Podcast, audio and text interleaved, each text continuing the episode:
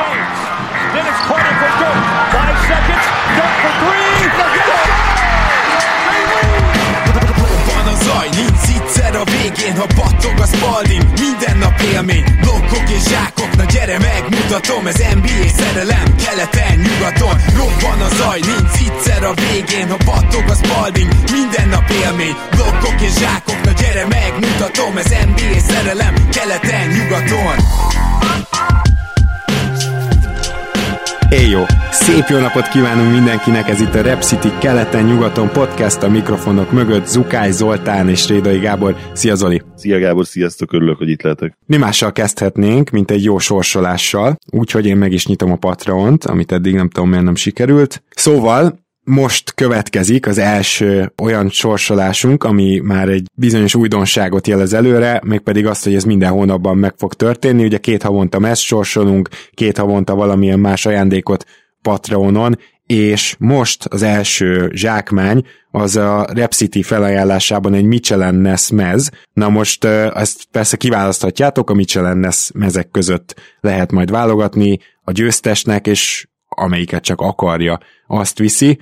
227 lesz a célszám, tehát 1 és 227 közé kellene majd belőnöd, Zoli, a random generátorunkat. Rendben, 227. Én ugye Google Random Number Generator-et használom, generatorjét, szép magyarosan inkább, és generátor az egy létező szó, ha már témánál vagyunk? Hát olyan van, hogy generátor, csak ugye más értünk alatta, tehát az áramgenerátor generátornak hívjuk. Szuper, ezt is megvitattuk. Minimumnál ugye egy van, maximumnál 227. Így van. És nyomhatom a generate gombot, ugye, ahogy mondani szoktam, nincs csalás, nincs elmítás. 3, 2, 1, boom, 214. Ú, az, az utolsó oldal. 214, kérlek szépen, mondom, hogy 1, 2, 3, 4, 5, 6, 7, 8, 9, 10, 17-et mondtál? 14, 4 Akkor Fuchs Máté, vagy Fuchs, nem tudom pontosan, hogy hogy mondjuk, de ő biztosan tudni fogja, hogy róla van szó.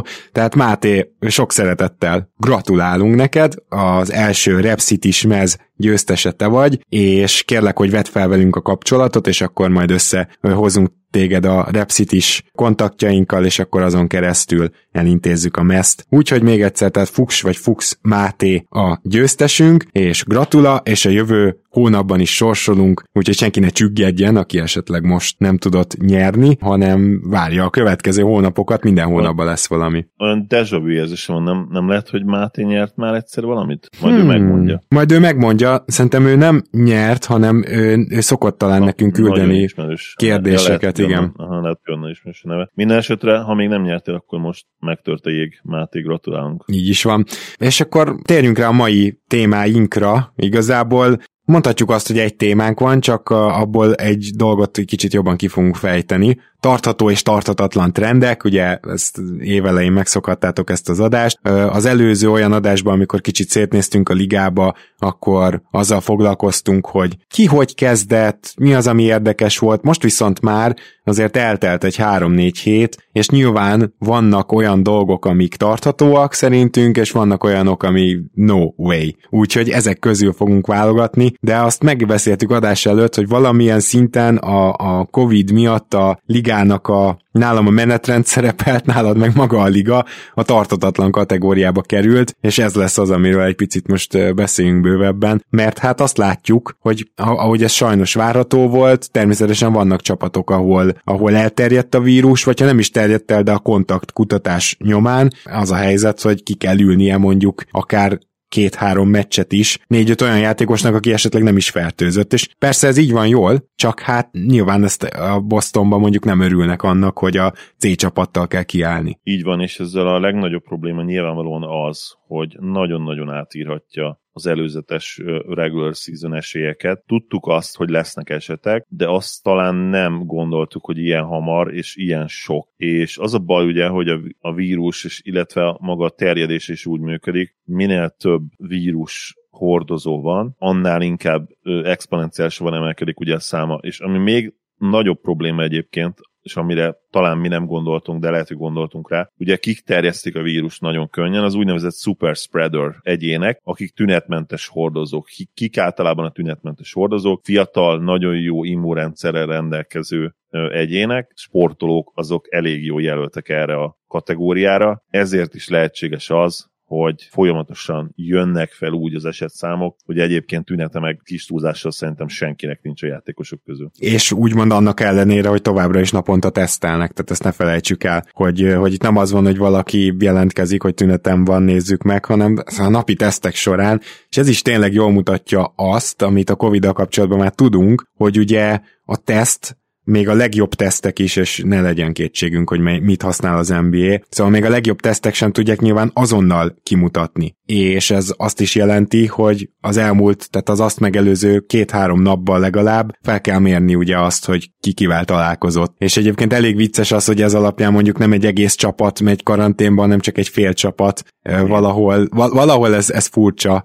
Egyelőre még nem volt belőle baj, de ebből is lehet azért majd. Igen, itt, itt valószínűleg az, az időt is nézik, az időfaktor. Tehát nem az, nem az a lényeg feltétlenül, hogy például Maxi, aki ugye most már pozitív, pozitívan tesztelt, Luka nyakába ugrott a győztes meccs után egy nappal előtte, hanem valószínűleg az sokkal fontosabb, hogy Maxi azon a napon kivel ebédelt a csapattársai uh-huh. közül, kivel ült egy asztalnál. Én azt gondolom, hogy így nézik, más logikát nem találnék benne. Tehát az, hogy, hogy nem kerül azonnal mindenki karantén alá, az csak ezt mondatja velem, hogy melyik csapattársaival töltött több időt az elmúlt napokban. Igen, és ugye ez már itt kirajzolódik ezen keresztül, így fogalmazok, az NBA-nek a törekvése ami pedig az, hogy amit csak lehet játszunk le. És hogy szerintem addig, amíg nagyon be nem gyűrűzik ez a történet, amíg nem lesz mondjuk egyszerre négy csapat, amelyik nem tud kiállni, és egy héten a meccseknek a, a 35%-át el kell mondjuk halasztani. Szóval amíg ez nem történik meg, amíg nem üt be igazán a ménkű,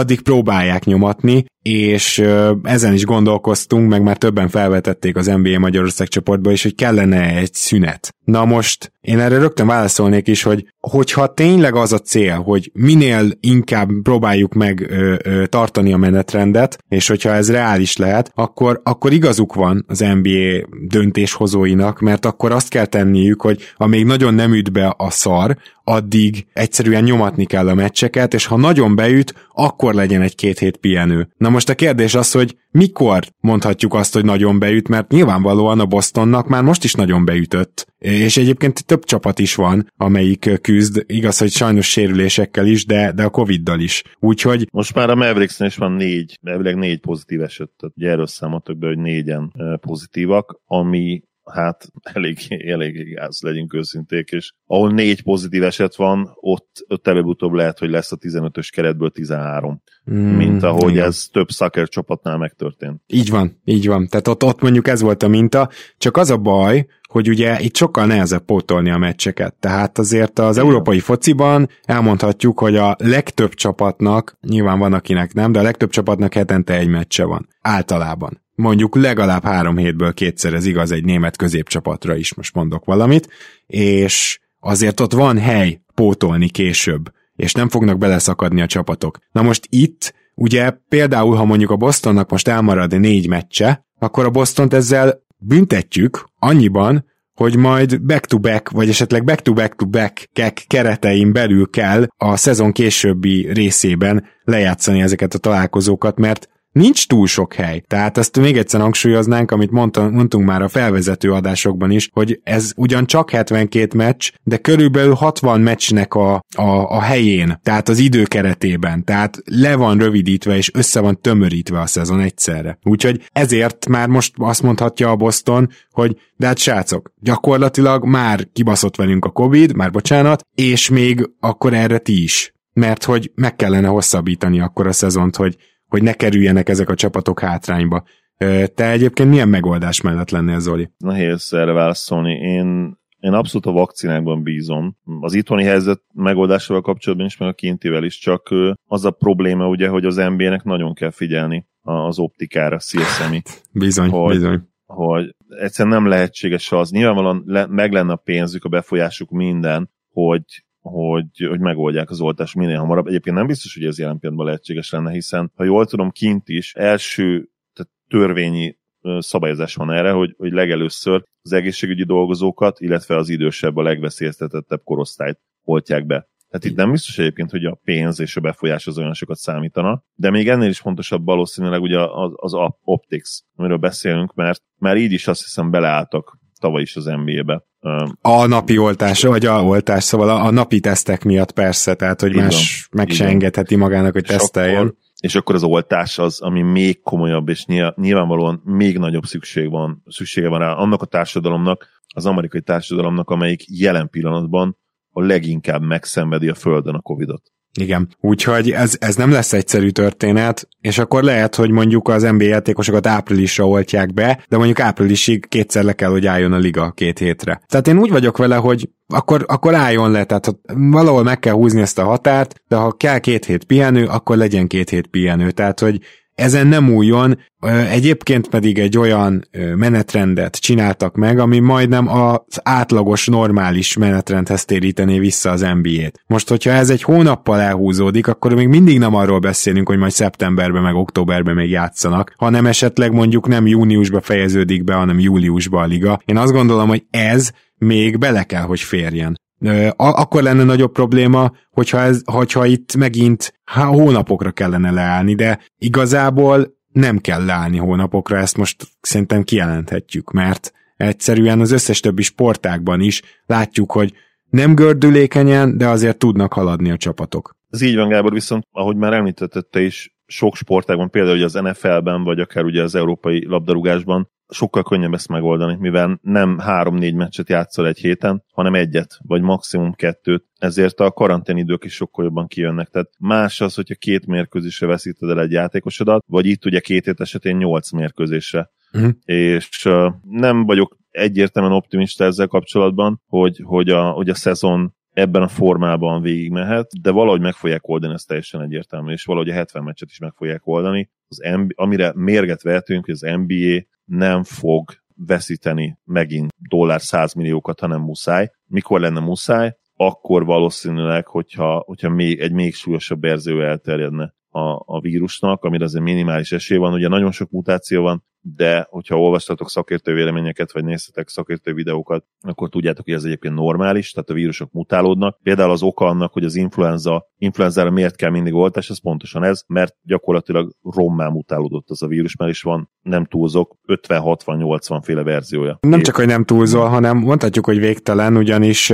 mindig már, tehát mindig új, új termelődik. Nem, nem az van, hogy X verzió kering, hanem mindig van egy új, és képzeld el, hogy ezért jó, hogyha immunológus doktor, amennyi tudod, mesélte nekem a Zsuzsi, hogy, hogy igazából úgy csinálják meg magát az influenzaoltást, hogy mondjuk az északi féltekén az előző fél éves déli féltekei influenza vírus ellen kap szoltást. Mert általában így mozog, a, a, a, így lehet követni magát a vírust. Ez nagyon durva. És nyilván amikor szezonja van, tehát amikor ott él van, és aztán utána itt lesztél, és, és aztán ők pedig a, a mi vírusunk ellen kap, új vírusunk ellen kapnak majd oltást, szóval önmagában ez mutatja azt, hogy az influenza az már kiírthatatlan. Így van. Ugye van erre egy idegen szó, nem jut eszembe, de olyan vírus vírusokra mondják, amik itt élnek úgymond már velünk, és egyébként van olyan szakértők, akik azt mondják, hogy a Covid is ilyen lehet majd. Hát én azért nagyon remélem, hogy nem így lesz, mert hát azért, ahogy már elmondtuk nagyon sokszor, ez, ez nem egy influenza. Igen. Na, hát akkor az első tarthatatlant már el is mondtuk. A tarthatatlannak tűnik a liga menetrendje, aztán kíván, kívánom tényleg, hogy ebben ne legyen igazunk. Hát ugye amikor én bemondtam, hogy megkaptam-e volna az öt pontot arra, hogy nem marad el meccs, akkor még húztátok a szájatokat a Gergővel, azért így utólag az egy 10 pontos take volt, nem? Igen.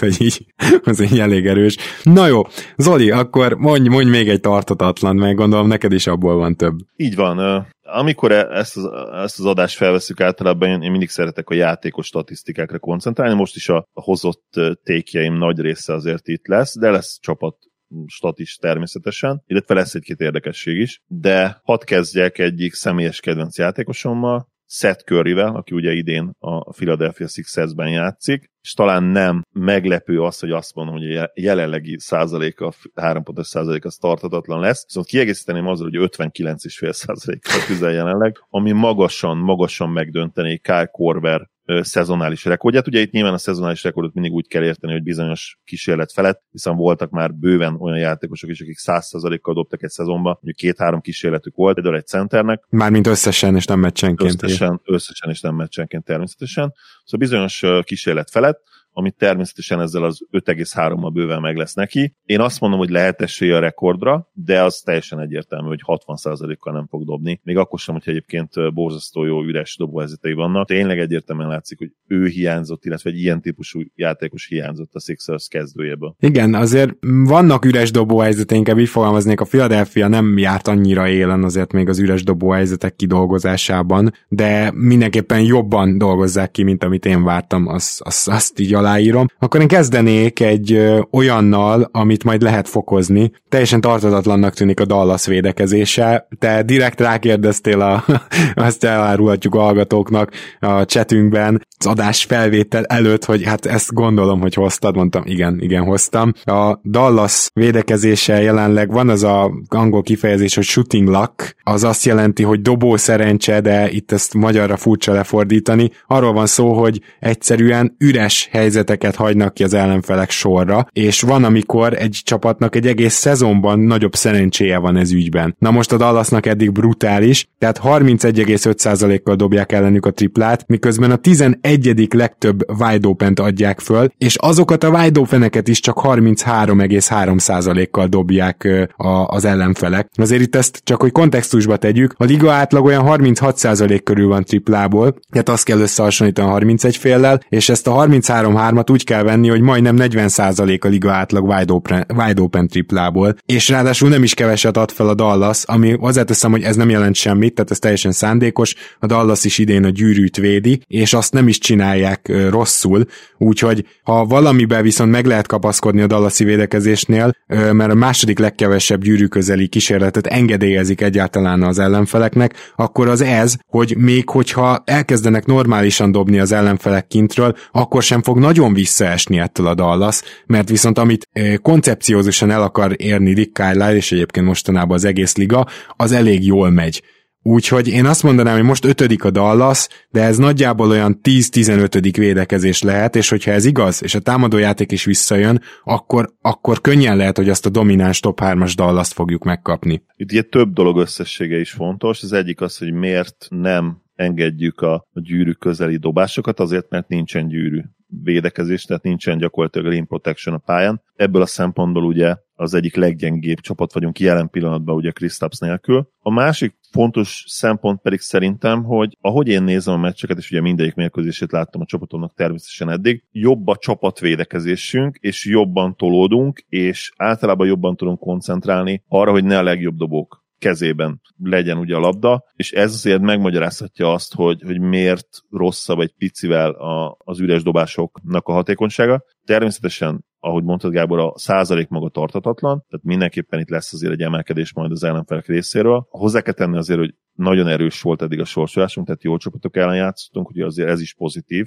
uh-huh. én azt gondolom és szemre is ö, több játékosunk is egyértelműen jobban védekezik, mint eddig bármikor. A leges legfontosabb ebből ugye Luka Doncic, akit tudjátok, legalábbis meg, mindig megvádoltak azzal, hogy, hogy ugye nagyon nagy homer vagyok. Én azt gondolom, hogy nagyon szeretem nyilván Lukát, tehát ezt nem lehet vitatni, viszont szerintem objektíven meg tudom ítélni a játékát. Ugye még soha nem mondtam azt, hogy ő a liga legjobb játékosa, top 5-be vettem a legvadabb elemzéseim szerint is, és idén egyébként támadásban kifejezetten gyenge eddig önmagához képest. Gyengén dob nem jó, viszont amit meg tényleg ki kell emelni, és hogyha néztétek a meccseket, akkor tudhatjátok, hogy ez nem egy homer ték, hanem tényleg objektíven nagyon jó idén, idén eddig védekezésben. Nem csak a labda szerzésének a számából lehet erre következtetni, hanem tényleg többet beszél, fizikálisabb, tehát több fajta is van egyébként, de, de tényleg kifejezetten koncentrál erre, és saját maga bevallása szerint is ez egy fontos szempont neki, hogy kicsit jobban védekezzen. Kijönnek majd a védekező statok, szerintem meglepően elő lesz majd, amit nyilván nem kell feltétlenül készpénznek venni, hiszen ugye tudjuk, hogy a másik nagy kedvencem Jokic is minden évben ott van gyakorlatilag az élmezőnyben, mégse lehet rá azt mondani természetesen, hogy elitvédő, viszont alul értéket védőnek tartom, ugye Jokicot ezt is mindig elmondom, és ha Luka e felé halad, erre felé trendingel, szia még egyszer, akkor szerintem rá is igaz lehet majd ez, hogy alulértéket védő, mert szerintem ez már egyébként tavaly is igaz volt rá. Olvastam az olyan véleményeket, hogy ő a liga legrosszabb védője, ami, ami nyilván egy, egy héter vélemény, mert Doncsics soha nem volt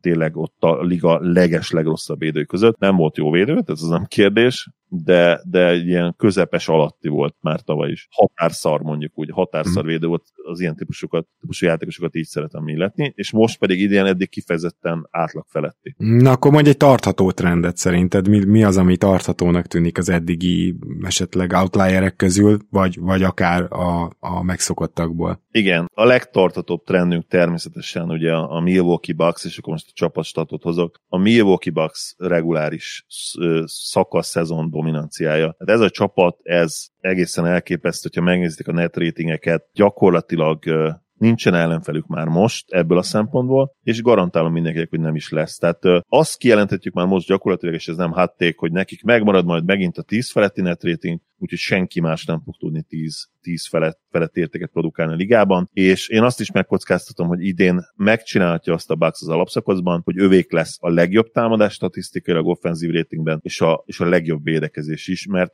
attól sincsenek messze már most a néhány gyengén mérkőzés ellenére. Tehát meglepően közel vannak ahhoz képest, hogy bekaptak ilyen 130-140 pontot is egyszer, 107-es defensív ratingjük van, 118-as támadó rating. A támadó rating nyilván le fog jönni olyan 114-15 környékére, amivel megnyerhetik akár a szezon, és a defensív rating pedig le fog jönni olyan 105-re szerintem legalább, amivel, amivel szintén esélyük lehet, hogy megnyerik a szezon egészen elképesztő ez a csapat, és, és persze megint beszélünk majd a playoff előtt, hogy nem tudjuk, hogy hogyan fognak teljesíteni, és tényleg nem tudjuk. Ha már most így előre szaladva még egy háttéket mondhatok, engem nem lepne meg, hogyha idén végre tényleg a playoffban is átszaladnának mindenki. Uh-huh. Nekem is nagyon hasonló érzéseim vannak a bucks kapcsolatban. Mégsem hoztam tőlük uh, háttéket. Egyébként például Chris Middleton shooting, ha az tartható, akkor én nem tudom, hogy mi lesz itt. Van, van, van egy-két ilyen nagyon brutális uh, dolog a bucks kapcsolatban, kapcsolatban, de amit kicsit ilyen kedves a szívemnek, ha már te beszéltél, bár, bár egy, én egyébként utálom is Derozant, de ha már te beszéltél az egyik kedvencedről, akkor most Derozant előveszem, akit egyszerre szeretek és utálok, és szeretném felhívni arra a figyelmet, hogy 7 asszisztot átlagol jelenleg, és a tartható kategóriának gondolom. És amit ezzel kapcsolatban el kell mondani az, hogy Derozanban rengeteg olyan dolog volt, amit így Raptors drukkerként tényleg megutáltam, majdnem meggyűlöltem. Ennek ellenére teljesen mindegy, hogy én hogy érzek iránta. Azt akarom ezzel jelezni, hogy a sok gyengesége mindig előjött a playoffban, nem lehetett rá számítani. De a, volt egy olyan tulajdonság a DeRozannak, amit egyszerűen nem lehetett elvitatni. Ez pedig az, hogy az ember a hardworkernek, a keményen dolgozó, állandóan ö, ö, a saját játékát fejlesztő játékosnak a prototípusa, és elképesztő, hogy honnan, hova ért, és az is elképesztő volt, hogy szezononként ö, mi mindenbe tudott fejlődni. És az... Bocsánat, és ha itt közben vághatok, Gábor, ez is rávilágít egyébként arra, hogy a tripla az nem csak tanulás, mert Derozánnál jobban senki nem akarta megtanulni a triplát a liga történetében, és volt is egy, egy-két olyan félszezon, mikor az látszott, hogy talán össze is jöhet ez. De nem. Tehát a tripla az egyszerűen már olyan távolság, és itt kicsit a büntetőzéssel is szembe megyek, tehát a, a büntetőzést is valahol ilyen kategóriának tartom, de sokkal inkább tanulható, mint, mint a triplázás. A triplázás egyszerűen már olyan messze van, hogy, hogy nagyon sok összetevő van. Hogy tartod a kezed, milyen mentális felkészültséged van, mennyire hiszel abban, hogy be tudod dobni. Szemkész és... koordináció sokkal jobban fog számítani, mert mondjuk igen. egy középtávolinál sokkal jobban számít az egyensúly. Tehát, hogy igen. Uh, igen. Így van, fizikai erő. És, és Derozán mindent megtett tényleg a pályafutása elején közepén, hogy most, ha most már mondjuk a harmadik szakaszban van, mindent megtettő, főleg a közepén, hogy megtanulja, és egyszerűen nem, nem tudta. Viszont amit megtanult, és ez kifejezetten a Spursnél kezdődött, tehát gyakorlatilag gondolj bele, hogy a csapat, aminek az ikonja vagy elcserél, ráadásul nyilván keserű szájíz, hogy a helyedre menő sztárral meg bajnokságot nyernek egyből, de a Spursnél, a, nyilván a Raptorsnál is már egyre többet irányított, de a Spursnél gyakorlatilag, amikor pályán van, és ez egy jó, jó megfontolás, ha azt veszed, hogy nem igazán szereti rádobni a triplát, és nem is dobja túl jó százalékkal. Ugyan Igen, egyébként jól, jól dobja eddig, ezt is hozzá Igen, ezt, ezt is tegyük hozzá. Minden esetre ez a hét assziszt, ez annak az eredménye, hogy évről évre egyre növelte a playmakingét, egyre jobban megtanulta, és kifejezetten jó pick and roll irányító most jelen pillanatban DeMar DeRozan. És ez egy olyan graduális növekedés, ami miatt ezt a 7 asszisztot, lehet, hogy lemegy 6,5-re, de szóval értitek, elhiszem. elhiszem, hogy DeRozan ez a playmaker jelenleg, és még 32 évesen is tudott fejlődni és újat mutatni, és le a kalappal. Zoli, tarthatatlan? Igen, a következő tartatatlan kategóriám az, hát megint csak egy ilyen egyszerű és kicsit ilyen csalás, de ugye Miles Turner blokkátlaga. Igen, az, Turn, az nevetséges. Turnerről, Turnerről tudni kell, hogy ott szokott lenni ugye az élmezők között. Nem feltétlenül elit, de, de nagyon jó dobás blokkoló. Nyilván ezt a meccsenként négy blokkot nem fogja tudni tartani. Igen. És, és a győztes az valószínűleg egyébként vagy Rudy Gobert, vagy Mitch Robinson lesz majd. Mitchnek kicsit többet kéne játszania, úgyhogy lehet, hogy Gobert megint csak a legnagyobb esély, és azt hiszem, hogy már többször is nyerte ezt a kategóriát. Hoztam indiánás téket, majd a tarthatónál szóba kerül, de Mestern erre reagálva annyit, hogy viszont azt vegyük észre, hogy ugye az elmúlt években, főleg két évvel ezelőtt még a Defensive Player of the Year szavazáson is, és nálunk is abszolút előkerült a neve. Ha nem is feltétlenül top 3-ba, de egy ilyen top 5, top 10 egyértelműen ott volt a közelben. És ugye a tavalyi év ilyen szempontból is csalódás volt neki. És idén azért megint azt a Miles látjuk, és nem csak a blokkok miatt mondom, megint csak nagyon-nagyon jó vele védekezésben a csapat, és én azt gondolom, hogy de erre majd tényleg vissza szeretnék térni a tartatónál, hogy az egyzőváltás, ez egy nagyon bátor húzás volt az Indiana vezetőinek részéről, de eddig nagyon kifizetődő. Úgyhogy Miles Turnernek is igazából sokkal jobban megy az új rendszerben, mind védekezésben, mind támadásban. És ennek is köszönhető szerintem ez a fantasztikus blokkátlag, ami nyilván le fog menni, de azért lehet rá esély, hogy végül megnyerje, legalábbis szerintem. De én is akkor egy tartatatlan hoznék. Említettem a Dallas védekezésével kapcsolatban, hogy az ottani adatok fokozhatóak. Szeretném, ha kitérnénk a New York Knicksre, mert ott gyakorlatilag minden tartatatlan, amit látunk, még azzal együtt is, hogy az utóbbi három meccsükön már teljesen összeestek támadásban. New York a harmadik legtöbb wide open triplát engedi el, vagy engedi. Szintén, mint a Dallasnál 33,3%-kal dobják ezt eddig ellenük, de mondom még egyszer a harmadik legtöbbet a ligában ami nagyon durva, hogy, hogy ilyen mennyiségű triplából csak 33,3-at kaptak eddig százalékban. Ezen kívül a New York az ötödik legtöbb gyűrű közeli kísérletet is engedi, tehát hogy nincs az a trade-off, mint a Dallasnál, hogy azt mondod, hogy oké, okay, dobjátok el, de a gyűrűhöz nem jöttök be, és, és még így sem annyira rossz a védekezésük, és itt a támadásra is szeretnék kitérni, szokásos Tibodó, hát egyrészt ugye sokkal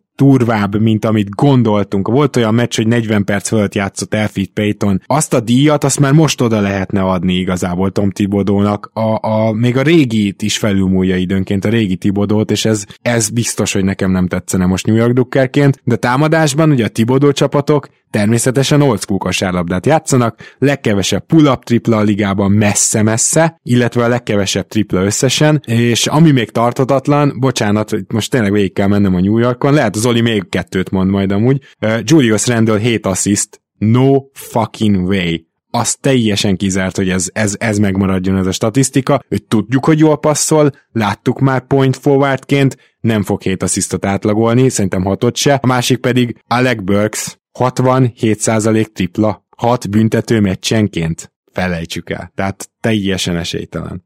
Úgyhogy azt gondolom, hogy Alec Burksnek a, a dobóformája az, az egy se nem ennyire jó játékos, egy jó játékos se tudna így dobni. Úgyhogy, úgyhogy ez mindenképpen egy ilyen nagy-nagy jelöltem a tartatatlanra, szinte az egész New York és teljes joggal a net ratingük azért már rávilágít egyébként arra, hogy, hogy nem lesz azért ez, ez különleges szezon ahhoz képest, mint amit ugye az elmúlt évben megszokattak. Bocs, még annyit, hogy Alec Burksről te azt vágod, hogy egyébként öt rádobott tripla, triplából dob jelenleg 67 kal Mert azt szerintem durvább, ja. mint Seth Curry az a fura egyébként nálam, hogy nincs ott a statisztikában. Tehát például az ESPN statisztikájában 59%-kal mm, ugye Seth Curry vezet, és nem látom sehol hmm. Alec Burks. Úgy, igen, mert ugye Burks csak három meccset játszott még, úgyhogy szerintem ja, itt ez lesz a probléma. igen. igen. igen. Ha már tripla, és most tartatatlan jön, vagy tartató? Most tartható jön tartató jön. Oké, okay. akkor ami szerintem tartató, az az, hogy Bradley Beal lesz a pont király. Yeah, yeah. Ne, nem írtam fel, de ezen komolyan elgondolkoztam én is, mert gondolom Hardennel kezded majd az érvelést.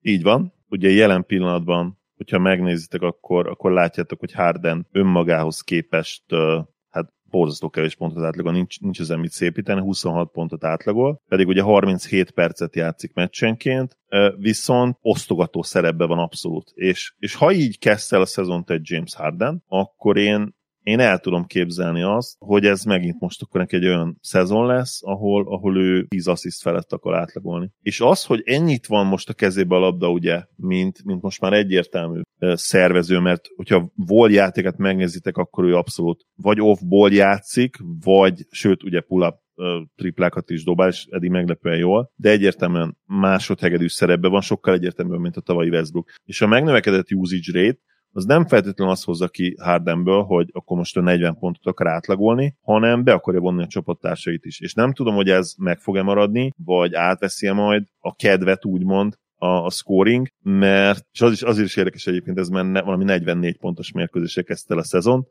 és mégis inkább ebbe az irányba tendál, és itt szerintem azért Christian Woodnak is lehet szerepe, akinek most jól mondtam a nevét. Szép volt! Mert, mert hát ő nagyon jó eddig, és, és bizony egy olyan, olyan célpont, aki magas emberként valószínűleg nem, magas emberként valószínűleg nem volt még ilyen célpont, hogy James Hardennek, úgyhogy ez is benne lehet a, abban, hogy, hogy sokkal több az olyan dinamika, ami ugye gárd és, és magas között. És sokkal több ugye a lob is, ami, ami Woodnak megint csak egy, egy olyan dolog, amit szívesen csinál, nem a legjobb benne, nem, nem egy édi, de azért föl lehet neki nyomni a labdát, és elég atletikus ahhoz, hogy bezsákolja, ugye hosszú kezé vannak, de viszonylag nagyot is tud ugrani, és a triplát is bedobálgatja, bár ott azért kezdett mostanában döcögni kicsit a gépezet. Szóval el tudom képzelni, hogy Harden marad ilyen 30 pont környékén majd a szezon végére, 26-nál azért meg fogja emelni, de Bradley Beal az, aki, aki egyértelműen ebben a szerepben van most, hogy, hogy őt igenis úgy rakják ki a pályára, hogy oké, okay, átlagolja 35 pontot, és, és meg, meg is fogja szerintem nyerni a pont király címet. Hát a Washington ugye abszolút átment a tavalyi, tehát egy egészen tűretően kezdtek védekezésbe, aztán teljesen átmentek a tavalyi felfogásba. Scott Brooks óriási esélyes egyébként a Rolly Massimino díjunkra jelent pillanatban. Torony magasan, igen. Igen, tehát itt gyakorlatilag csak támadnak és nem védekeznek, és ha, ha ez marad, akkor igazad lesz, de neked, nagy, vagy ehhez a tékhez inkább így mondom, nagyon bekavarhat az, hogyha lesz egy egyzőcsere. Mert, és nem, nem azért, mert hogy most Billbe van nyilván a legtöbb pont abból a csapatból, tehát teljesen egyértelmű, hogy ő neki a pont átlaga nem fog nagyon visszazuhanni, de ha itt esetleg védekezni is kell, és kevesebbet rohanni, nyilván Robin Lopez is már e felé fogja őket vinni, szegény Thomas Bryant ugye kiesett egész szezonra, szóval ha még egy egyzőcsere is súlyosbítja mindezt, és esetleg megpróbálnak védekezni, vagy úgy tenni, akkor azért, akkor azért ez biztos vagyok benne, hogy ez a pont átlag lejjebb esik majd. Úgyhogy még, még ezen múlik, de ha már Houston-t érintettük, akkor én meg hoztam Houstonos tartható statisztikát. A Houston jelen pillanatban 34%-kal triplázik, ami kevés, tehát nem is azt mondom, hogy tartható, hanem szerintem ennél ez feljebb fog menni. Ugye Houstonnak tavaly is az volt a problémája, hogy rádobtak ők rengeteg triplát, csak nem túl jó százalékkal, és most így néztem, először azt tűnt fel, hogy Tucker, McLemore és Brown is fantasztikusan dobja a triplát, három kísérlet körül, de aztán, aztán lá, megnéztem, hogy a nehéz tűzérek hogy dobják, és egészen tragikus. Még Harden 35% környéki, meg volt 33%-a még hadján, bár ugye ők is rengeteget dobnak rá, de Eric Gordon egy jó 28%-kal, azt hiszem 7 vagy 8 rádobottból, House 20%, Wood 25%, tehát szerintem, mivel a Houstonnak a játéka bár már nem annyira, mint tavaly, de még továbbra is nagyon, nagyon függ a triplákon, ezért a, ez az offenz ez még feljebb mehet, mert összességében Takerék, akik a tök üres saroktriplát dobják, meg McLemore, ők nem fognak nagyon visszasüllyedni, nyilván nem 52%-kal fognak dobni, hanem 39-el, de, de az nem fogja annyira érinteni a houston mint az ilyen igazi nehéz tűzérek, akik meccsenként néha 5-8-at rádobnak, hogyha ők feljavulnak. Úgyhogy én azt gondolom, hogy nem csak tartható, hanem növelhető is egy kicsit a hatékonysága a Houstoni támadásnak, és ezért valószínűleg majd az offenzív rating is feljebb fog menni. Abszolút egyetértek egyébként, igen, és a tarthatatlan következő kategórián pikkem a, a Los Angeles Clippers gárdája, akiknek a nagyon-nagyon rossz védekezése szerintem tarthatatlan. Uh-huh, uh-huh. Jelen pillanatban ugye ez a fő rákfenéje a csapatnak. Ha ránézünk a mérlegre, azt láthatjuk, hogy 7-4, hát mi baj van, semmi. Nagyon jól állnak, gyakorlatilag ott vannak ugye az élmezőnybe, szorosan ugye a, a nagy városi rivális mögött, viszont ugye tudjuk, hogyha belenézünk a meccseikbe, akkor, akkor láthatjuk, hogy a védekezés eddig borzasztó, és akkor se lenne jó védekezés, hogyha kivennénk a, a valljuk be anomália Mavs elleni, elleni 50 pontos zakót. Kávály ugye most már lenyilatkozta, hogy, hogy, hogy ez így nem tartható, ez a, ez a védekezés, illetve azt is mondta, hogy hát nem tudja gyakorlatilag, hogy mi a baj, de, de meg fogják oldani, és én azt gondolom, hogy ez valóban így lesz. A támadójátékok ugye nagyon jó természetesen, az továbbra is, viszont, viszont a védekezés az borzasztó, és ezért szinte ilyen net neutrál csapat eddig minimálisan pluszos net ratinggel. Ezen javítani fognak a jövőben. És milyen elképesztő, hogy olyan csapatról beszélünk, akinek a playoff teljesítményét nézve viszont teljesen fordítva várjuk a dolgokat az eddigi tapasztalatok szerint. A védekezésük lehet playoffban nagyon jó, és a támadójátékuk eshet vissza. Szóval, hogy, hogy így, így ez még pikánsabb szerintem. Egyetértek, ez a védekezés tudja, hogy javulni fog tartatatlan, ha már védekezés, New Orleans Pelicans védekezése. Ugye én már így megszaggattam a ruháimat, hogy azt mondtam, hogy nagyon szar ö, ö, védőcsapat lesznek, és beszéltünk arról is, hogy Fangandi is természetesen az új és modern trendeket követve kidolgozta, hogy na ők majd védik a gyűrűt. Na én azt gondolom, hogy ha van csapat, aki ezt most túltolja, az a New Orleans Pelicans, magasan legtöbb wide open dobást engedik, ezt úgy kell elképzelni, hogy meccsenként 29-et ö, kerekítek, a második helyezett csapat az 25-öt.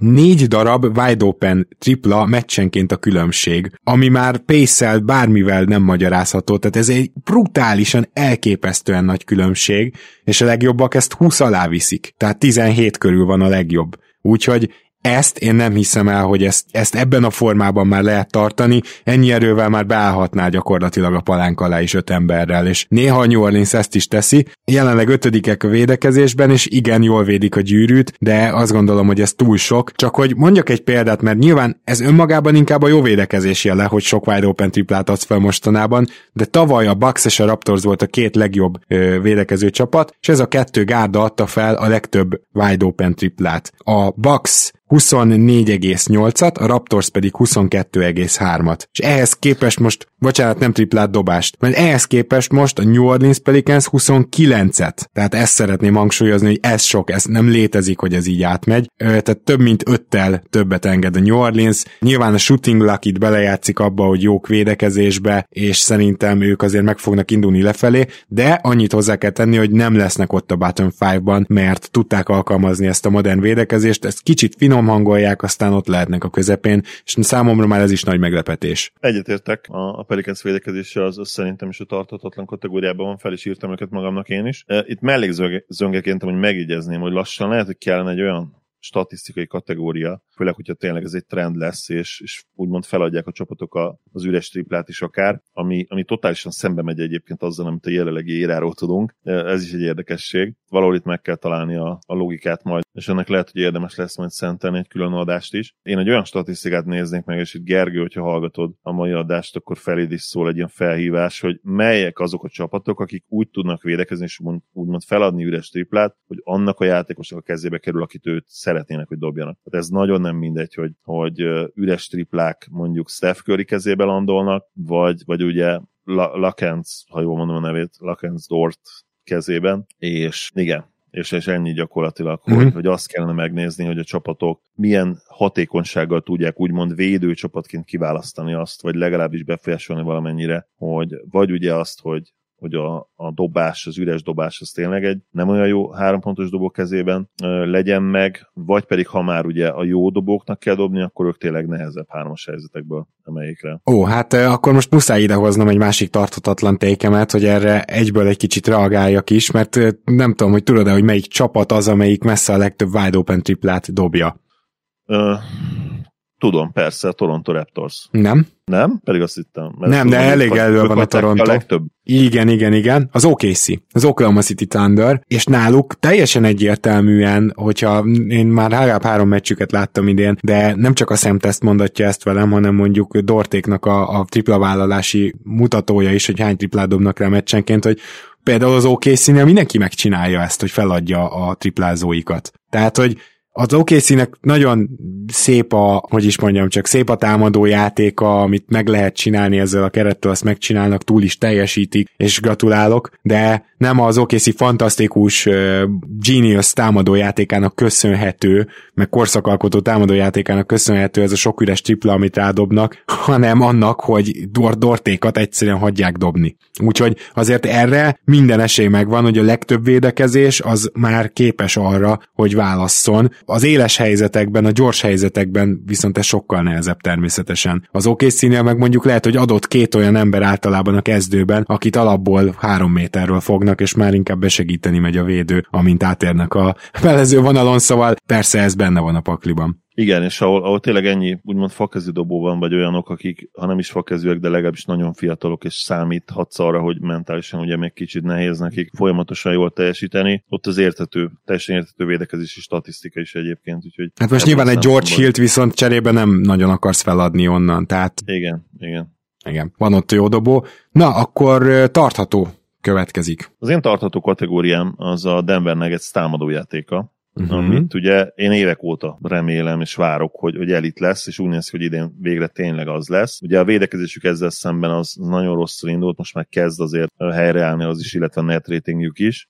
Én azt gondolom, hogy ott, le, ott lehetnek a végén, nyilván Covid függő is, de ott lehetnek a top 4 csapatban. Úgyhogy e, ezt a támadójátékot várom végre tőlük és itt tartatatlan kategóriában is van egyébként egy, és ide fő, úgyhogy, és ide vágó, úgyhogy oda rakom jó kicsi tripla-dupla átlagát is, azt nem fogja tudni tartani. Egyszerűen azon okból kifolyólag, hogy amint jobban kezdenek el, még jobban kezdenek el játszani a kiegészítők, furcsa módon ez nem azt fogja eredményezni, hogy még több üres dobás bedobnak, hanem többet lesz náluk a labda. Itt most Murrayre gondolok elsősorban. Harris mondjuk nagyon kellemes meglepetés az elmúlt három-négy meccsen. Végre kezd tényleg magára találni, úgy néz ki, hogy, hogy mentálisan talán el tudja hinni azt, hogy ő be tudja dobni a triplát, mert meggyőződésem, hogy ez védekezésben is egyébként visszafogta őt, hogy az egész játékát, a, a srác energiáját visszavetette. Nyilván a keret védekezésben azért erősebben limitált, mint tavaly volt, de szerintem ott is tudnak valamit előrelépni majd. Jelen pillanatban ugye 112-es defensív rétingük van, szerintem ilyen 109 környékére be tudnak menni, ami ilyen top 15 lenne, azt szerintem abszolút bennük van, lehet, hogy te nem értesz egyet, és a támadójáték pedig szerintem top 5-ös fog maradni egész évben, vagy maximum ilyen 6.-7. erre csúszik le, ami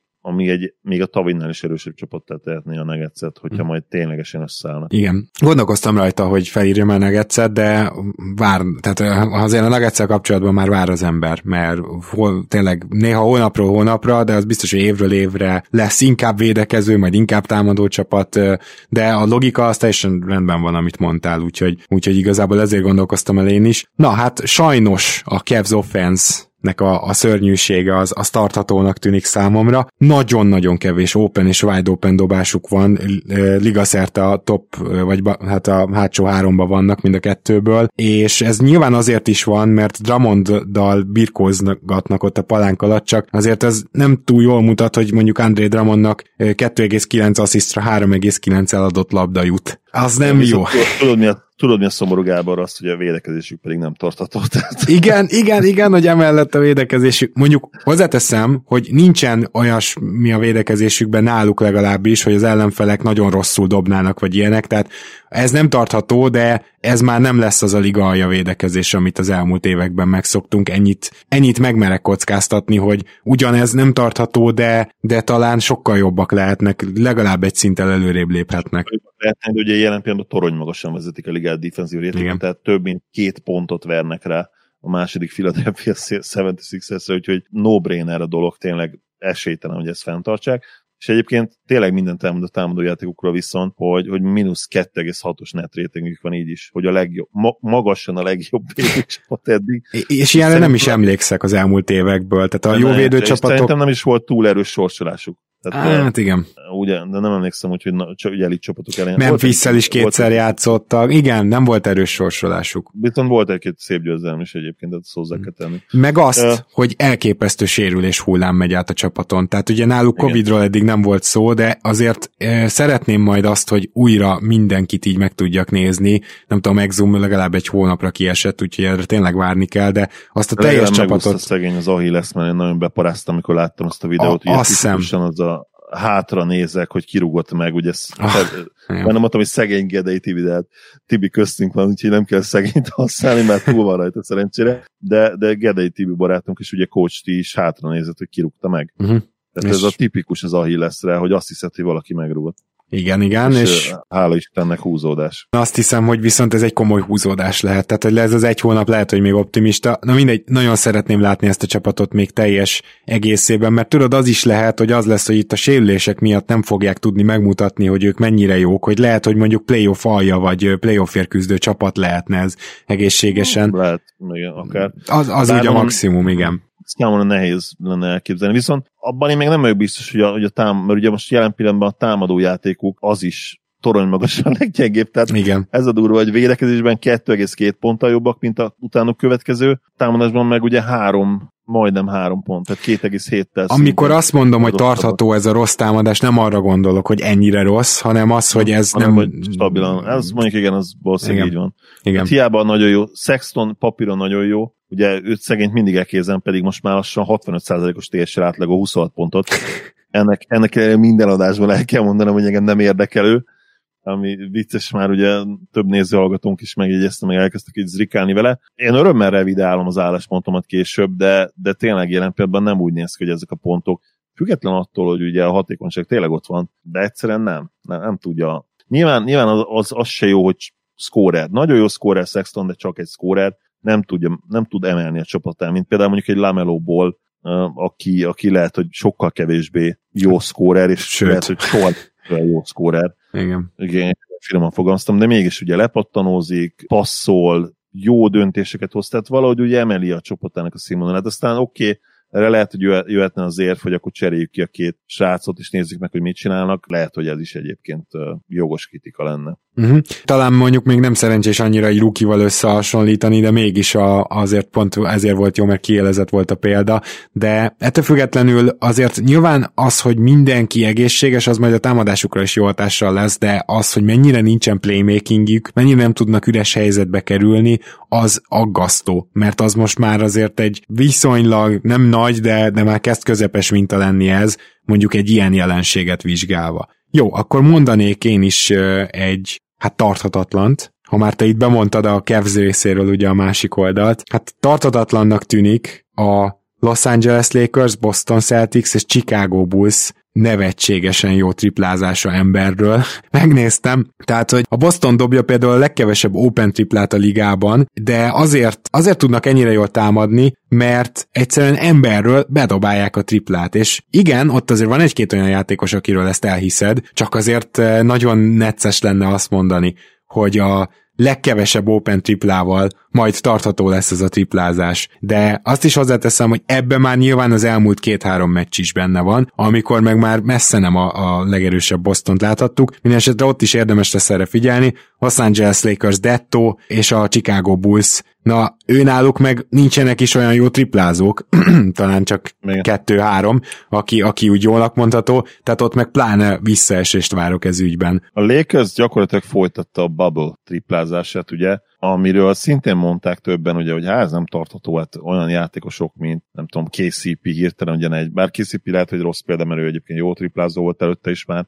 Például az a Caruso is ugye kezdte már bedobálni őket, aki egyébként nem feltétlenül volt jó dobó, idén hát Caruso 61%-kal, nem, 52%-kal triplázik, ugye, de hogyha tavalyi sőt, és itt visszamegyünk, ugye az utolsó 10 meccset megnézzük, akkor 61%-kal triplázik, de oké, okay, ugye ő főleg azért üres dobó ezeket szokott elválni, legyünk őszinték, de de AD és, és akár LeBron is ugye, aki LeBron el kell mondani azért, hogy, hogy egészen elképesztő mennyiségű munkát beletetett a, a dobásába, mert uh, amit ő a lakers mutat, triplezes szintjén, az, az nagyon-nagyon jó, és, és idén tényleg, eh, nála például, hogyha már tartatóról beszélünk, szerintem ez a 35 amit, amit most, eh, ahogy most dob, az, az abszolút tartatónak tűnik, úgyhogy eh, Na igen, csak ugye a Lakersnél is, annyi, hogy a Lakersnél is van egy ennyi bajom, hogy abszolút középmezőnyben vannak a wide open és az open triplák kidolgozásában, és ami egyébként valahol meglepő egy James csapattól, de, de hogy azért nem tartható ez a triplázás, mert nem, nem az van, hogy csak üres dobásokból dobálgatnak hanem, hanem ez tényleg emberről megy, és ezért ö, vettem külön ezt a három csapatot, mert még más csapatra is rá tudom mondani, hogy nem tartható ez a tiplázás, oké, okay, mert Sacramento nem tudom én 44%-kal dob, mégsem mennek vele semmire, annyira szarul védekeznek, de ez már más kérdés. Szóval, hogy oké, okay, csak az a problémám ezzel a három csapattal, hogy még csak nem is, nem is open és nem is wide open helyzetekből dobálják ezt a jó százalékot. Igen. És egyébként a, a Lakersnek a sorsvás az, az nem de nem, nem túl gyenge, eddig nem is olyan nagyon erős, olyan, olyan közepes, én azt mondanám. Megoldottak elég jól, mm, jól, jól kezdték a szezont. Bár ugye a legelső meccseken voltak problémák, de utána hamar összezették magukat, és most ténylegesen úgy néznek ki, mint a talán leg, legfőbb esélyesen nyugatnak. Van-e még tarthatód? Nekem még abban van kettő is. Hoztam egy olyan, még egy csapat tartató statisztikát is, ami, amivel kapcsolatban ugye nem volt közöttünk feltétlenül egyetértés, ha, ha jól emlékszem. A Philadelphia Sixersnek a védekezése. Uh-huh ami, ami szerintem abszolút tartható, és, és top 2-es, top 3-as lehet majd a szezon végén is. Illetve ugye a másik, amiről beszéltünk, ugye a Miami Heat, és ők valóban egyébként pontot vannak eh, védekezésben, ahová ugye te vártad őket, tehát inkább ilyen top 10, mint top 5. Azt hiszem ezzel kapcsolatban volt egy háttékem is. De, de Philadelphia Sixers-t én abszolút most képesnek érzem arra, hogy vagy, vagy akár meg is nyerik a defensive rating csatát, vagy, vagy második, esetleg harmadik helyen végezzenek. Egy néztél egyébként itt, mert én nem néztem a Philadelphia-nak dobó statisztikákat ellenfélnél, de, de nem tűnt fel külön semmi, tehát akkor valószínűleg átlagosan dobnak ellenük, akkor eddig, eddig nem a szerencsének köszönhető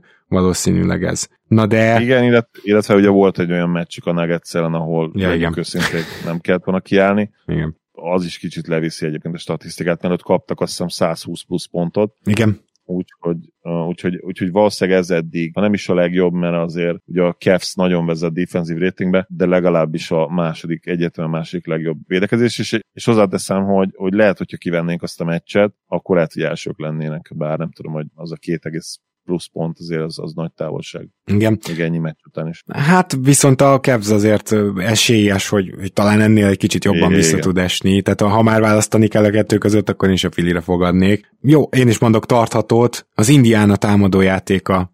Csak a, megfogalmazni pár szóban tényleg azért írtam föl ezt, hogy miben más Björgren alatt az Indiana. Egyszerűen modernizálta Björgren ezt a csapatot. Tehát az történt, hogy például pull-up triplában, hogy mondjak egy klasszikus, modern támadójátékhoz köthető kategóriát, ami régen még szinte nem is létezett. Tavaly hátulról a hetedik volt az Indiana, idén előről a nyolcadik. Több triplát dobnak rá, sokkal kevesebb középtávolit, és ebben ráadásul Brogdon is, Oladipo is, és a két magas is meg tudta magát találni, és persze most érzékeny volt Warren elvesztése, tehát ne legyen kérdés az, hogy Warrennel ez még durvább lehetne, akár de mivel Warren nem annyira off the ball játékos, bár abban sem rossz, de azért ő akkor leghatékonyabb, hogyha kaválykodni tud, ugye?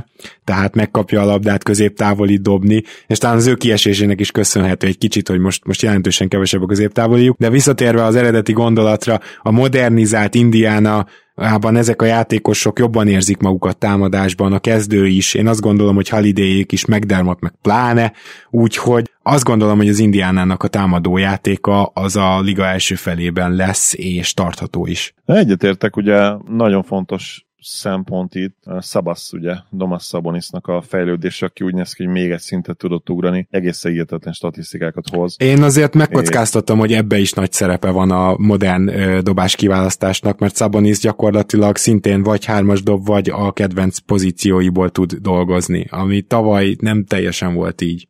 Igen, igen, és, és hát az is fontos, hogy most már elfogadta a csapat is, illetve a taktika és az edzők is nyilván teljes mértékben én azt gondolom, mint, mint, a, mint a Pacers legjobb játékosát. Szerintem már tavaly is ez volt a helyzet, ugye Oladipo visszaesésével, de idén teljesen egyértelmű. Most már mindenki tudja, én azt gondolom, hogy, hogy Sabonis a Pacers legjobb játékosa, és így támogatják, és játszanak alá minden mérkőzésen. És tegyük hozzá, hogy Oladipo meg, hát ha nem is teljesen visszatért, de egyértelműen ég és föld a tavalyihoz képest, tehát sokkal jobb. Sokkal jobb játékos. Igen, igen, igen jobban néz ki fizikailag is. Nagyon remélem, hogy, hogy jó szezonja lesz, mert az még egyáltalán opciót jelentene az én Mavericks-emnek. Mondanék most tartatatlant is, de először te mondj. Az én tartatatlan kategóriám, és nagyon sajnálom, hogy nem tudtam egyszerűen megtalálni a csapat rekord statot erre, de, de a 74%-os assist rate Charlotte-nak. Igen, tehát... Ami, ami egészen brutális. Nem tudom mennyi a rekord, de, de több mint 6%-kal előzik meg a második helyezett csapatot, illetve pont 6%-kal. Egészen hihetetlen. Hát most, ha más nem, akkor esetleg annyit megtehetünk, hogy egy tavalyi statot gyorsan megnézünk, hogy ott vajon mennyi lett a győztesnek, csak nem tudom, hogy melyik oldalon van nyitva a Teams, de most már tudom. Kérlek szépen az assist százalék 66 százalék. 66,3, igen akkor megnézem előtte, és még nézzünk meg pár évet az előtti évben, megint csak 66 százalék, és akkor még egyet nézzünk meg a 17-18 Van egy 70 százalékos a 16-17-es Warriors. 70 egész. Igen, és, igen, és utána még egy 68 százalék. Tehát gyakorlatilag lehet, hogy az lehet a rekord, ha most nem, nem lepődnék, hmm. meg nem tudom most utána nézni, de könnyen lehet, hogy az a 70 százalék volt az NBA rekord. Tudod, mit és kell majd megnézni ehhez? Majd a 90-es évek Utah Jazz csapatait, mert gyanítom, hogy ott a Big and kívül nem sok dolog történt. Jogos semmit mondani. Ezt vissza tudunk menni egyébként 96-97-ig. Úgyhogy meg is nézem most nektek. 70%-kal nyert Utah Jazz. Utah Wow, azért ezt jól betippeltem. Igen, 97-98-a megint csak a Utah Jazz 69%-kal. Hát én akkor azt mondom, hogy valószínűleg ez a 70% lehet a rekord, mert most így nézem gyorsan, 68, nagyon be van állva erre a 68-69 Hoppá, Utah Jazz 72%, de 2002-3 Tehát az, az érdekes, hogy, mert ez volt az utolsó talán az utolsó Stockton év, mert Melon akkor már nem volt. Év, igen. igen. igen. Melon szerintem még lehet, hogy, lehet, hogy Melonnak is ez az utolsó éve. Nem tudom, hogy két évet volt a Lakersbe, vagy csak egy évet, szerintem, mintha egy évet lett volna. Így van, tehát az utolsó uh, Melon Stockton szezon, az aztán tényleg róluk szólt akkor. Akkor 72 százalék. És megkockáztatom, hogy ez lehetett valószínűleg a rekord is. Lehet, hogyha visszamennék egyébként a Magic érába, vagy mondjuk a Celtics évekbe, lehet, hogy ott lenne még durább, de, de 96-ig vissza, mert legalábbis az a 72 százalék volt eddig a legtöbb legtöbb, és most ugye az idei Charlotte Hornets, ki más, nem a Charlotte Hornets döntené meg ezt a rekord. Igen, igen, igen, azt hiszem, hogy ez, ez teljesen egyetemen tartatatlan, mint ahogy tartatatlan a Memphisnek a, a támadásbeli ö, gyengesége is, szerencsére. Én azt gondolom, hogy ennél fog jobban támadni a Memphis. Nyilván a Morant visszatér az automatikus, csak arra a anomáliára hívnám fel a figyelmet, hogy Memphis tavaly még a Lakersnél is azt hiszem több pontot szerzett a festékben. Most, ha néztem egy két pontos statisztikát, így egybe 50% alatt dobják. A Memphisnek ez kifejezett erőssége. Nyilván nem segít a sok ráhányt szar dobás Brookstól, természetesen úgy, hogy rajta van a lába a tripla vonalon, de ettől függetlenül azért Brandon Clark például gyengén kezdte a szezont, és nem rossz formában, hanem mert sérülés után épp hogy csak beesett a, az egyzőtáborba, gyakorlatilag nem is tudott a többiekkel dolgozni, és az első pár meccsen ilyen 2 per 8-akat dobott a gyűrű közeléből, ugye tavaly ebbe a liga egyik legjobbja volt, hát azért most az elmúlt két meccsen már azt a Brandon Clarkot látjuk, sőt, sőt, azt gondolom, hogy egy, egy továbbfejlesztett verziót, úgyhogy én nagyon örülök neki, hogy ezt ilyen hamar eldöntötte Clark, hogy, hogy nem arról van szó, hogy itt sophomore slump lesz, és, és a Memphis is jóval feljebb fog menni ebben a százalékban, és ennek megfelelően a támadójátékuknak ugye jelentős pillére ez a, ez a belső játék, és a, a festékben szerzett pontok, és amint feljebb megy ez a százalék, abban a pillanatban Memphis támadójátéka és támadó mutatója is feljebb fog menni. Még egy, egy tarthatóm van, és egy tarthatatlanom neked. Nekem is van még egy, egy tarthatatlanom, és ez pedig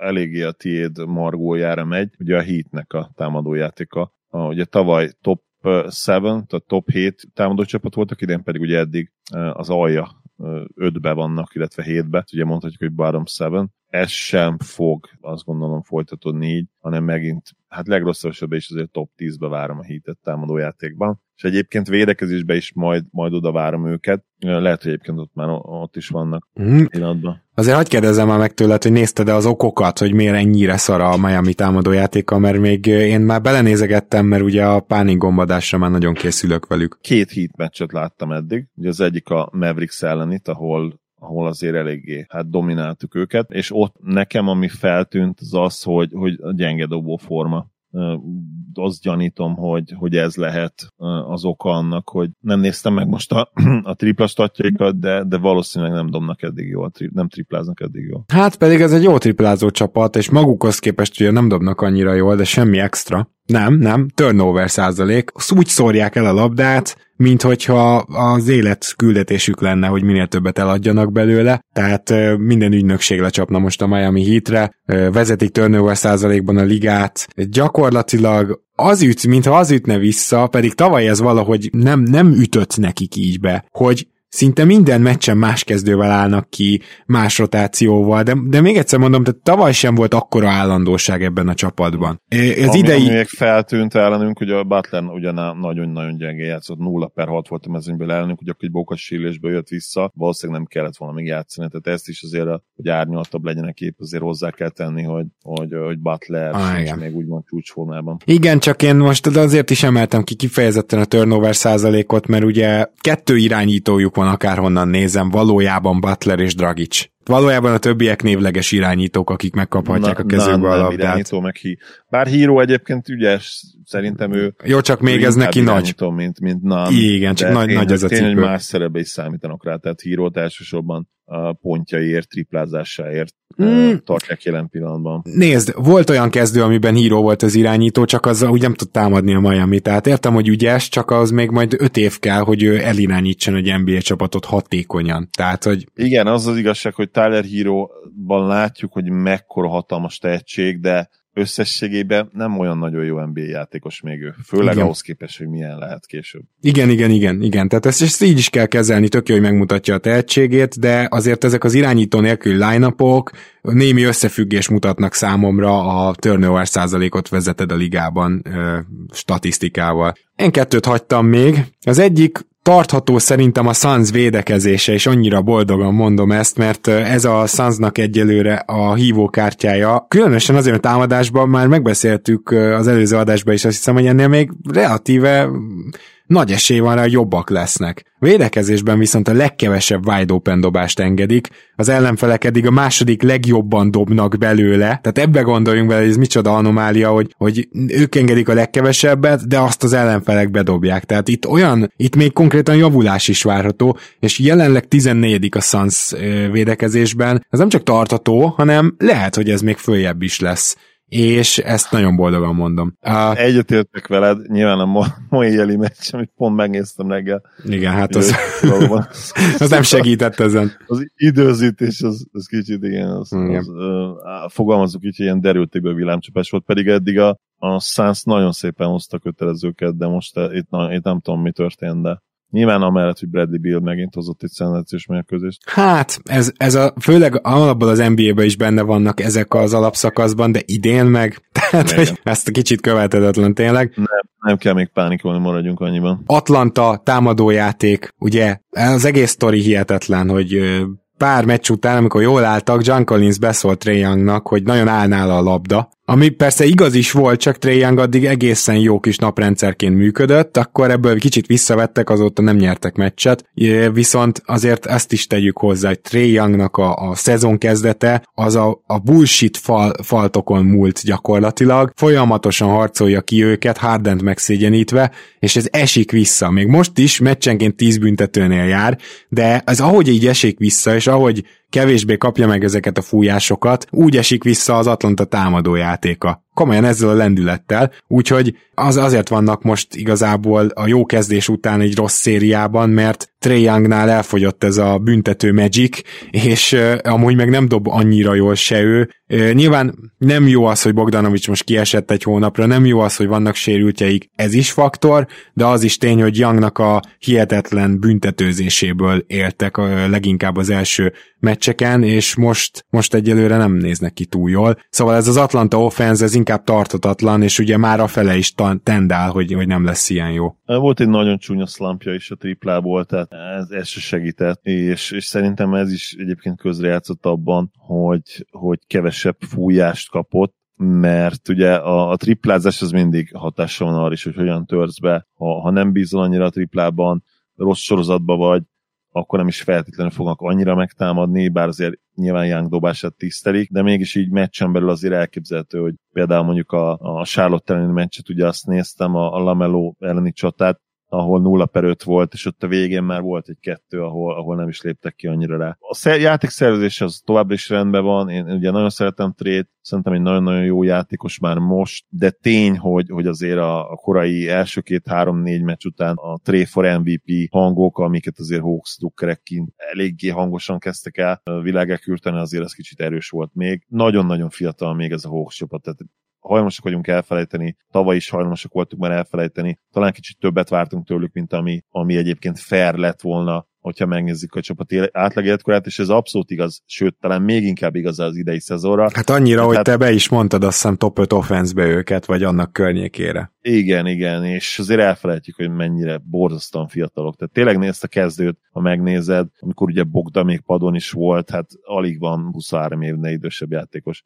Igen. Ha már, ha már itt nem még az U24-es, ö, bocsánat, U25-ös csapatot összeraktuk, de az U24-est is végül. Na, és akkor még egyetlen egy dolog maradt, de, erről mondtad, hogy te is készültél, tehát, hogy jelen pillanatban Kyrie Irving és Kevin Durant mind a ketten ISO-ból 1,4 point, pont per labdabirtoklás mutatóval rendelkeznek. Hiába nagyon jó játékosok és jó ISO játékosok, azt gondolom, hogy ez no fucking way az 1,4 az nagyon-nagyon magas, és amikor a Brooklynnak esetleg emiatt az ISO támadása is egy kicsit visszaesik, akkor nagyon kíváncsi leszek, hogy majd, majd náluk pánik gombot kell lenyomni, de mindeközben meg néha a két sztár nélkül is fantasztikus támadójátékra képesek, úgyhogy elég kiismeretetlenek. Na de Durantel és azt hiszem főleg Irvinggel kapcsolatban te is hoztál valamit. Egyrészt teljesen egyetértek az 1 per 4, 1 pont 1,4 az, az tartatatlan gyakorlatilag, és a pánik gombot viszont nem emiatt nyomnám meg, hanem ugye Kyrie Irving miatt, aki hát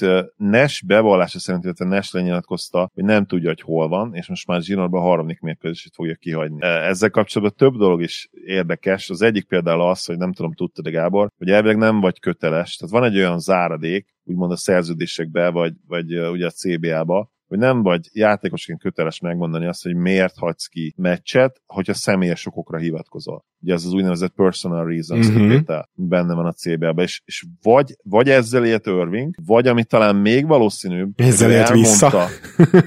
igen, vagy ami talán még valószínűbb, hogy ő elmondta Nesnek, hogy miről van szó, de Nash úgymond védi a játékosát. Ha igazak azok a plegykák, mert ugye van ilyen plegyka is, hogy, hogy egyáltalán egy, egy SMS-t se tudott megereszteni Irving ugye az edzél felé, az számomra nagyon viccás, de, de ugyanakkor még nem feltétlenül tudnám Nash-t se sajnálni, mert tudnia kellett, hogy mibe vág bele. Ugye Persze. Irvinggel. És visszatérve erre, ugye erre a, a kitételre, azért biztos van a CBA-ban egy olyan szövegezés is úgymond, hogy azért ezt nem teheted meg a, az idők végezetéig. Hát hogy, mint ahogy Kawai sem tehette meg, ugye? Tehát... Igen, igen, tehát van nyilván egy limit, és nem tudom, hogy mennyire feszegeti ezt a limit a törvény jelen pillanatban, de az biztosan nem segít, hogy ugye napvilágra látott a videófelvétel, amit ő, ami őt egy, egy buliban, ugye az a nővére, illetve a igen, nővére szülinapi bulián, nővére 30. szülinapi bulián ábrázolja, maszk nélkül, ami szintén ugye nagyon szuper jelen pillanatban, és hát, és hát viszonylag jól érzi magát. Úgyhogy nagyon szomorú ez a dolog, amit Irving csinál, és még ha utólag ki is derül, hogy valami esetleg, ami családi tragédiával kezdődött, és azért tűnt el, akkor se ez, ez a megoldás szerintem, hogy hagyja azt, hogy a sajtó ugye gyakorlatilag ilyen színbe tüntesse fel, és nagyon megkönnyíti a dolgok, dolgokat, legyünk őszinték, és ez már a, a szezon elejei dolog is ebbe belejátszott, ugye, hogy ő nem beszél parasztokkal, ugye sak, igen.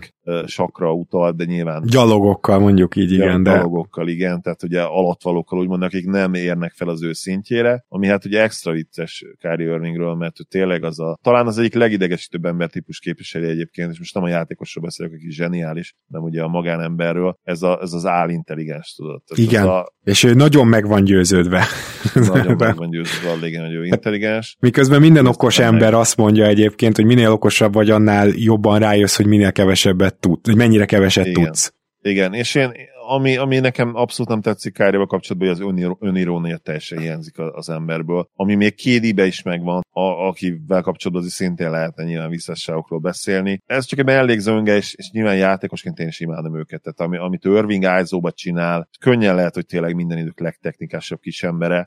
Bár tegyük hozzá, hogy szerintem mind a ketten szívesebben ámuldozunk rajta, mint hogy a saját csapatunkba lássuk. Így van, ez, ez is igaz, és ez, na, ez sem véletlen, legyünk őszinték. Úgyhogy nagyon érdekesen várom a fejleményeket Kyrie irving kapcsolatban. Ugye nem tudom, hogy végül benyomtam-e a, a, az ilyen nagyon háttéket, hogy, hogy, vagy csak beszéltem róla, hogy eszembe jutott, mert egyébként eszembe jutott, hogy, hogy volt egy ilyen, hogy Kyrie Irving visszavonul. És egyébként lenyilatkozta jó pár éve, hogy ő nagyon fiatalon akar visszavonulni. Így van azt, azt mondta, uh, hogy ő ilyen 35-36 évesen már biztosan nem fog játszani, ezt konkrétan mondta. Nem azt, nem azt mondom, hogy akarom, hogy visszavonulni, mert nem akarom. Én megnézném nagyon szívesen, hogy mit tud ez az Irving Durant kettős a play legyenek akkor egészségesek, tök mindegy, hogy hányadik helyen jutnak be, nyolcadik helyen is bejuthatnak, de, de nem tudom, hogy, hogy hogy ilyen háttérrel, amúgy, ami Irvingnek van, és ilyen viselkedéssel hát ez egy időzített bombának tűnik inkább. Meg, meg úgy tűnik, hogy éppen most valamilyen szektádba tagozódik be. Tényleg Irving az, akiről nem lepődnék meg, hogyha három év múlva már uh, szientológus egyház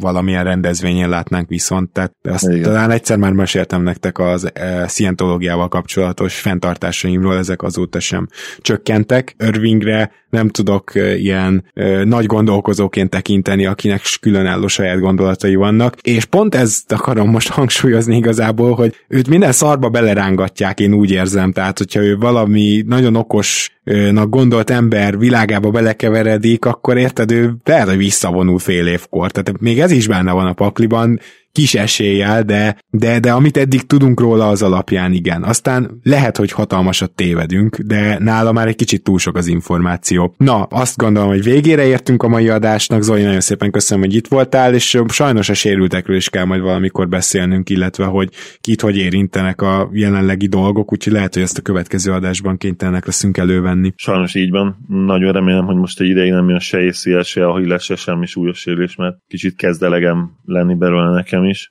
Ez van. És ez lehet, hogy azért is történik, igen, ahogyan elkezdődött a szezon minimális szünettel ugye néhány csapat számára, bár egyébként pont uh, szegény Thomas Bryant azért nem mondhatja, hogy nem volt uh, szünete ugye illetve ugyanez másik fiatal játékos, ugye Michael Pulse is igaz, tehát ez mind, mind a kettőjüknek azért volt bőven szünet. Hát egyébként szóval... olyan sok nem, ha belegondolsz, jó, a Washington kiesett 8 meccs után, de az Orlando még playoffot is játszott. Játszottak, igen, azért az egy három hónap szerintem eltelt a, a kiesésük és, a, és az első meccs, vagy az első uh, előszezon meccs között, ami a normál négy és félnél azt hiszem annyi szokott lenni a normál off-season, kevesebb nyilván, de, de azért nem olyan vészesen kevés igen. Jó, de akik meg leálltak márciusban, azoknak meg 9 hónap, az meg túl sok, szóval itt nem, jó megoldás nem nagyon volt. Igen, hát a Covid, ugye ezt is keresztbe, keresztül igen. keresztül úttal nem csúnyábbat. Reméljük, hogy most már látjuk a, sőt, hát látjuk a fényt az alagút végén, csak jön is el most már az alagút vége. Örülök, hogy itt lettem. Szia Gábor, sziasztok! Kedves hallgatók, persze nem ennyire depresszív adással jövünk majd pénteken, vagy kb. pénteken, lesz majd másik témánk is, és már új platformon, hogyha minden igaz, úgyhogy nagyon remélem, hogy majd ezt is minél hamarabb megszokjátok, ha bármilyen kérdés van, akkor természetesen várjuk ezeket a kérdéseket, és próbálunk nektek segíteni. Még egyszer gratulálok Patreonon a győztesnek, aki egy meszt nyert a Rep City-től, addig is minden jót kívánok nektek, már mint péntekig, és legyetek jók!